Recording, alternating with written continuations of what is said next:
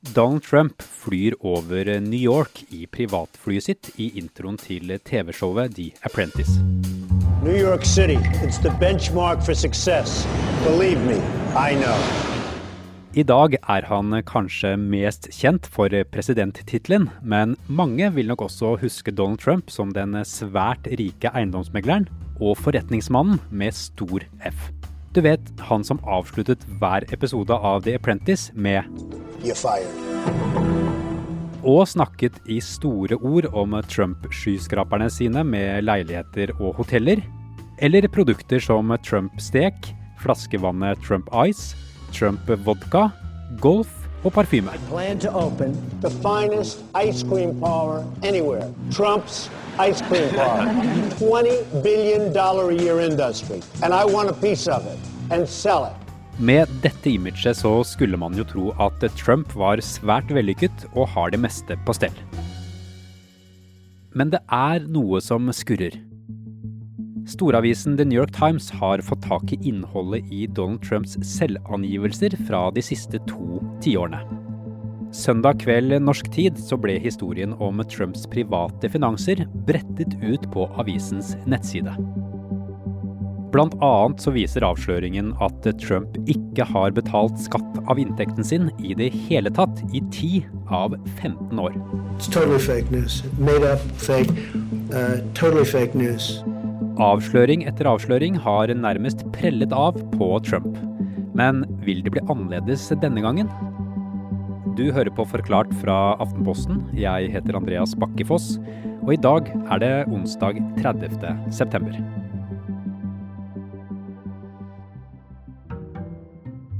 De aller fleste land i verden har et system der arbeiderne som tjener penger, betaler en viss andel av lønna si til staten. Det er dette som kalles inntektsskatt. I Norge betaler f.eks. de som ligger midt på lønnsstigen, rundt 22% av inntekten sin i skatt. Det betyr at for hver hundrelapp man tjener, så går 22 kroner til den norske staten. Og det er nettopp inntektsskatt som er sentralt i avsløringen til New York Times. Nærmere bestemt skatt som betales til staten. I USA så kalles det føderal skatt. New York Times har altså fått tak i selvangivelsene for et par tiår eh, fra Trump, Donald Trump og Donald Trump-organisasjonen. Kjetil Hansen er journalist i Aftenposten, og nå er han i USA for å dekke presidentvalget. Eh, De viser bl.a. at han ikke har betalt inntektsskatt i 10 av de siste 15 år. Eh, Det er da inntektsskatt til den føderale staten i USA. Eh, De viser en omfattende skatteplanlegging. Vil si at han har tatt tap som han har hatt på forretningen sin, og flyttet frem og tilbake mellom årene for å unngå å betale skatt i de årene han har tjent penger. Ja, det mest oppsiktsvekkende er nok at eh, det året da han ble valgt til president, og året etterpå, så betalte han bare 750 dollar i føderal inntektsskatt, altså rundt 7000 kroner. Det er ganske smått som sammenlignet med hva andre eh, mennesker eh, med Donald Trumps økonomi betaler. Selvangivelsen viser at Trump har tapt mye penger over lang tid på forretningene sine. Tapene har han bokført og fordelt på en måte som gjør at han i stor grad har sluppet å betale skatt på milliardinntektene. Hans første reaksjon var eh, noe han har sagt eh, veldig mange ganger før, nemlig fake news. Uh, totally fake news. Eh, Han holdt en pressekonferanse i Det hvite hus eh, sent eh, søndag kveld, og, og da sa han at eh, New York Times var en eh, dårlig avis, eh, at det de hadde var feilaktig, og at eh, de gjorde dette bare for å skape trøbbel for ham foran valget. Well, first of all, I paid a lot, and I paid a lot of state income taxes too. Uh, the New York state charges a lot, and I paid a lot of money in state. Uh, it'll all be revealed. It's going to come out. Innblikket i selvangivelsene til presidenten forteller mye om hans private økonomi. Ifølge tidsskriftet Forbes så er Trump USAs 339. rikeste amerikaner. Med en anslått formue på rundt 2,5 milliarder dollar. Altså rundt 24 milliarder kroner. Men ifølge New York Times så er privatøkonomien til Trump under press. Han er altså i krangel med skattevesenet om eh, et av disse eh, skatteplanleggingsgrepene sine. Eh, det er fradrag på 72 millioner dollar, som han, han risikerer å få en skattesmell på 100 millioner dollar for dette. I tillegg så har han store lån som han personlig har garantert for. Det er på over 400 millioner dollar. Det meste av det forfaller de neste fire årene. Det er jo penger han da må låne han da må klare å innfri. Jeg fikk faktisk en melding fra en kollega, Kristoffer Rønneberg, om at denne saken nå var ute. Og jeg var jo på vei inn i drømmeland, så da ble det å slå på lyset og bli liggende og lese ganske lenge utover natten da, for dette var jo veldig omfattende og detaljerte saker. Etter en natt med lesing så var det to tanker som meldte seg hos Aftenpostens kommentator Kristina Pletten. Min første tanke var jo som journalist da, at det er et fantastisk håndverk og at det ligger et utrolig stort arbeid bak. Eh, og den andre tanken var jo men vil dette bety noe? Vil dette være annerledes enn det som har kommet tidligere?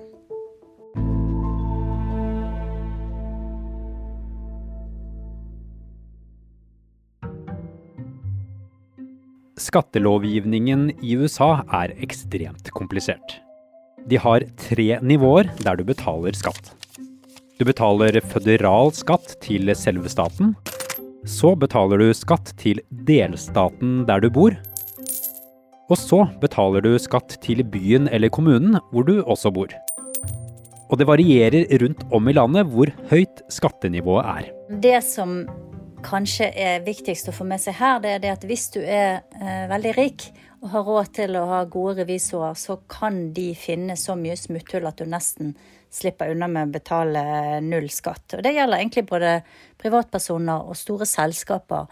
Det har jo blitt avslørt at sånn som Amazon f.eks. heller ikke betaler noe, noe særlig skatt. Eh, på den annen side så har du da middelklassen som skvises veldig, og det er de som da betaler kanskje 30-40% skatt. De fattige betaler heller nesten ingen skatt, så det er veldig store forskjeller. Veldig urettferdig skattesystem egentlig, sånn som det fungerer i praksis. Og så er det viktig å huske på at i motsetning til i Norge, så er det veldig mange ting som ikke er bakt inn i skatten din. F.eks. Eh, gratis eh, helsestell, barnehage, sykefravær, fødselspermisjon, høyere utdanning. Alle de tingene ting som du må betale sjøl i tillegg til skatten din. Ifølge New York Times så viser Trumps selvangivelse at han betalte 750 dollar, eller litt over 7000 kroner, i skatt til den føderale staten i 2016. Som var det året han ble valgt. Det samme gjorde han det første året han var president, i 2017. Altså, eh, i det året, jeg tror det var i 2017, da, som, eh, som disse eh, tallene er fra, så tror jeg den jevne amerikaner betalt rundt 11 000 dollar i skatt. Og det er bare den føderale skatten, altså skatten til staten USA. Eh, så det er jo da rundt 100 eh, 000 kroner. Eh, og så, som sagt, oppå det så kommer da skatt til delstat og kommune. Donald Trump han mener det ikke er tilfeldig at avsløringene kommer akkurat nå. Han mener New York Times publiserer nå for å ødelegge valget for ham 3.11. And all of this, or is this one, you know, we had the same exact questions usually asked by the same people, and that took place four years ago. You remember, this was so well litigated. It's incredible. New York Times har jo sikkert jobbet i årevis med å få tak i disse papirene. Og de journalistene som eh, hadde denne saken, de samme journalistene som for, noe, for tror rundt et år siden hadde en stor sak om hvordan Trump arvet penger, og hvordan faren eh, brukte litt sånn eh, regnskapsakrobatikk til å føre penger over til barna sine. Så de har trolig jobbet seg inn på disse kildene over lang tid. Trumps eh, første reaksjon Kristina, var at dette var eh, fake news, altså falske nyheter. Og han mener avsløringen kommer nå for å skade eh, valgkampen hans, som jo startet for alvor i natt. Har ikke Donald Trump et poeng? Det er mulig det, men på den annen side så har det jo kommet dramatiske avsløringer om Trump hele veien. Altså det kommer jo noe nytt nesten hver uke. Så jeg tenker vel at det som har skjedd, er at uh, New York Times har, uh, som jeg sa, jobbet ganske langsiktig med dette her. Sikkert jobbet med det i måneder og kanskje år. Og når alle fakta er sjekket ut og alt er klart, så har de uh, bestemt seg for å publisere. Både du og jeg er jo journalister, Kristina, og vi vet jo at eh, når vi får lekkasjer fra en eller flere kilder, så er det ofte en, en, grunn til at vi får akkurat de lekkasjene. Det er et motiv fra de som, som lekker det. Hvilke motiv eh, kan kilden ha hatt i denne sammenhengen for å lekke disse dokumentene til New York Times?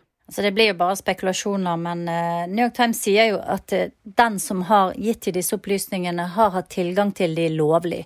Så det betyr jo at Eh, de ikke har stjålet eller hacket seg inn eller noe sånt for å få tak i skattepapirene til Trump.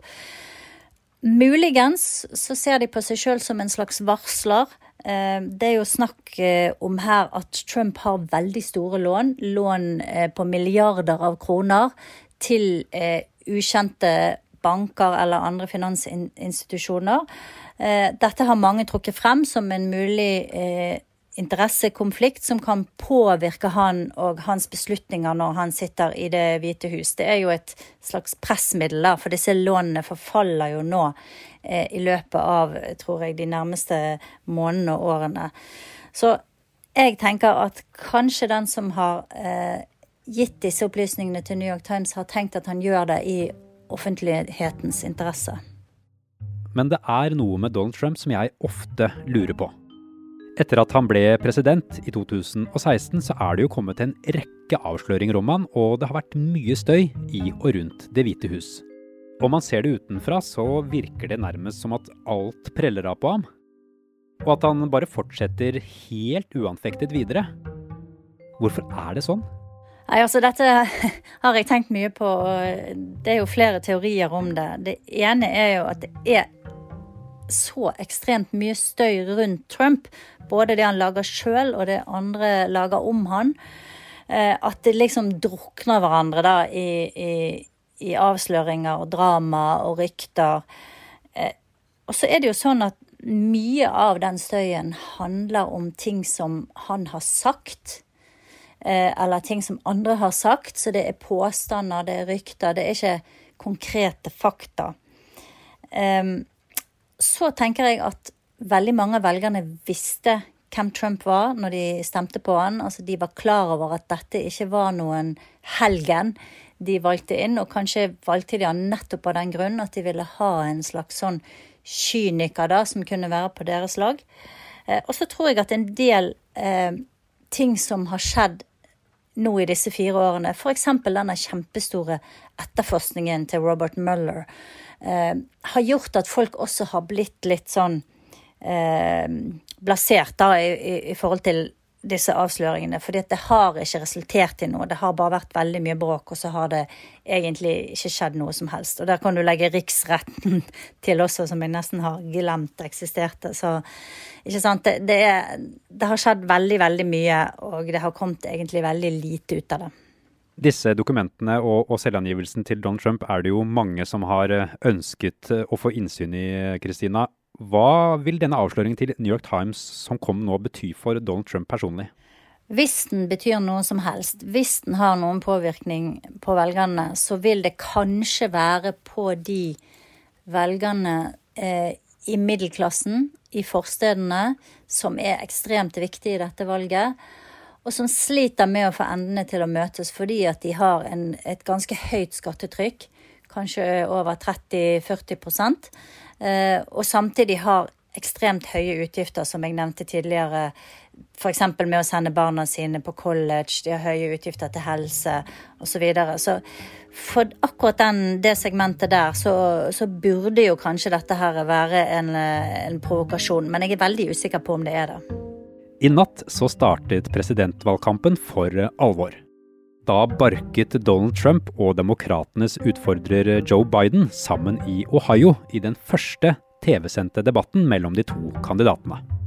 Spørsmålet er hva avsløringene til New York Times vil bety for valgkampen de kommende ukene. Vi ser jo det nå at Biden allerede har grepet fatt i dette her og bruker det aktivt. Det er veldig mange som er ute på sosiale medier og skriver hvor mye de har betalt i skatt. Jeg så i går en som hadde eh, en liten baby som hadde vært med i en film, som sa det at eh, min baby spilte inn en film var med i tre minutter og betalte mer skatt enn Donald Trump. Så det er mulig at det kan eh, Mer enn at det kan eh, ha noe innvirkning på Trump-velgere, så kan det kanskje være en motiverende faktor for demokrater da, til å gå og stemme. Og at det på den måten kan, kan ha en eh, positiv effekt for Joe Biden og demokratene.